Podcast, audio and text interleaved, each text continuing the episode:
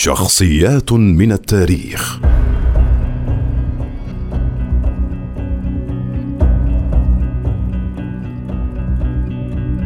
أبو تمام. هو حبيب بن أوس بن الحارث الطائي أحد أمراء البيان.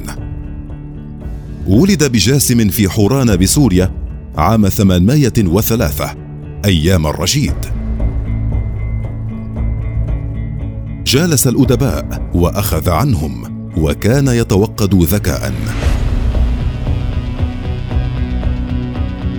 سمع به المعتصم فطلبه وقدمه على الشعراء وله فيه قصائد. وكان يوصف بطيب الأخلاق والظرف والسماحه كان اسمرا طويلا فصيحا. حلو الكلام. يحفظ أربعة عشر ألف أرجوزة من أراجيز العرب.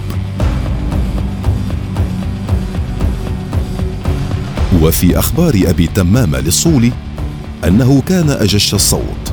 يصطحب راوية له حسن الصوت فينشد شعره بين يدي الخلفاء والأمراء. عندما ترعرع سافر أبو تمام إلى مصر. فكان يسقي الماء.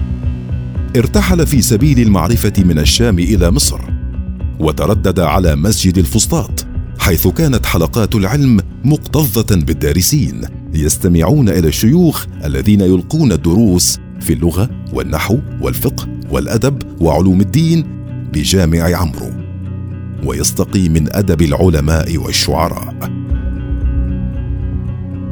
حفظ الشعر منذ طفولته. وصار يقلد الشعراء. حتى أبدع في هذا المجال وتفرد فيه بعبقرية نادرة. فأصبح شاعرا مطبوعا لطيف الفطنة دقيق المعنى.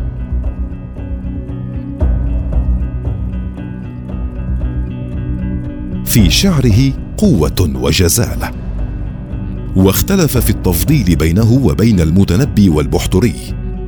له في التصانيف فحول الشعراء وديوان الحماسة ومختار أشعار القبائل ونقائد جرير والاخطل استقدمه المعتصم إلى بغداد فأجازه وقدمه على شعراء وقته فأقام في العراق ثم ولي بريد الموصل فلم يتم سنتين حتى توفي بها.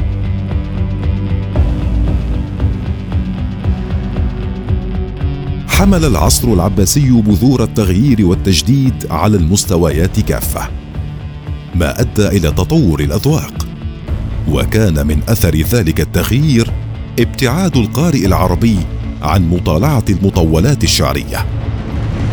واستعاد عنها بالمقطوعات القصيرة التي تتلائم مع ذوقه من حيث الشكل والمضمون.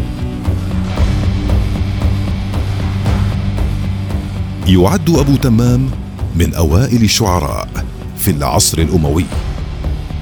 ذلك أنه أخذ بمعطيات الحضارة القديمة مع المحافظة على الأطر الجديدة للشعر. فقام مذهبه بالتالي على الجمع بين عناصر عدة هي العقل والوجدان والزخرفة مع الآخذ بعين الاعتبار خصائص العربية ومحتوياتها. وبناء على هذه المنطلقات التي قام عليها شعره انطلق في اختياراته فجمع ما رآه الأفضل بما يتلائم مع معاييره العالمية. أقدم ما عرفناه من هذه الاختيارات ما جمعه أبو تمام واشتهر باسم الحماسة ويليه أبواب أخرى هي الأضياف والمديح والنسيب والهجاء والصفات والملح. ومذمة النساء والأدب. توفي الشاعر أبو تمام الطائي عام 845 بمدينة الموصل ودفن فيها. تاركا وراءه نهجا جديدا في الشعر يخلده.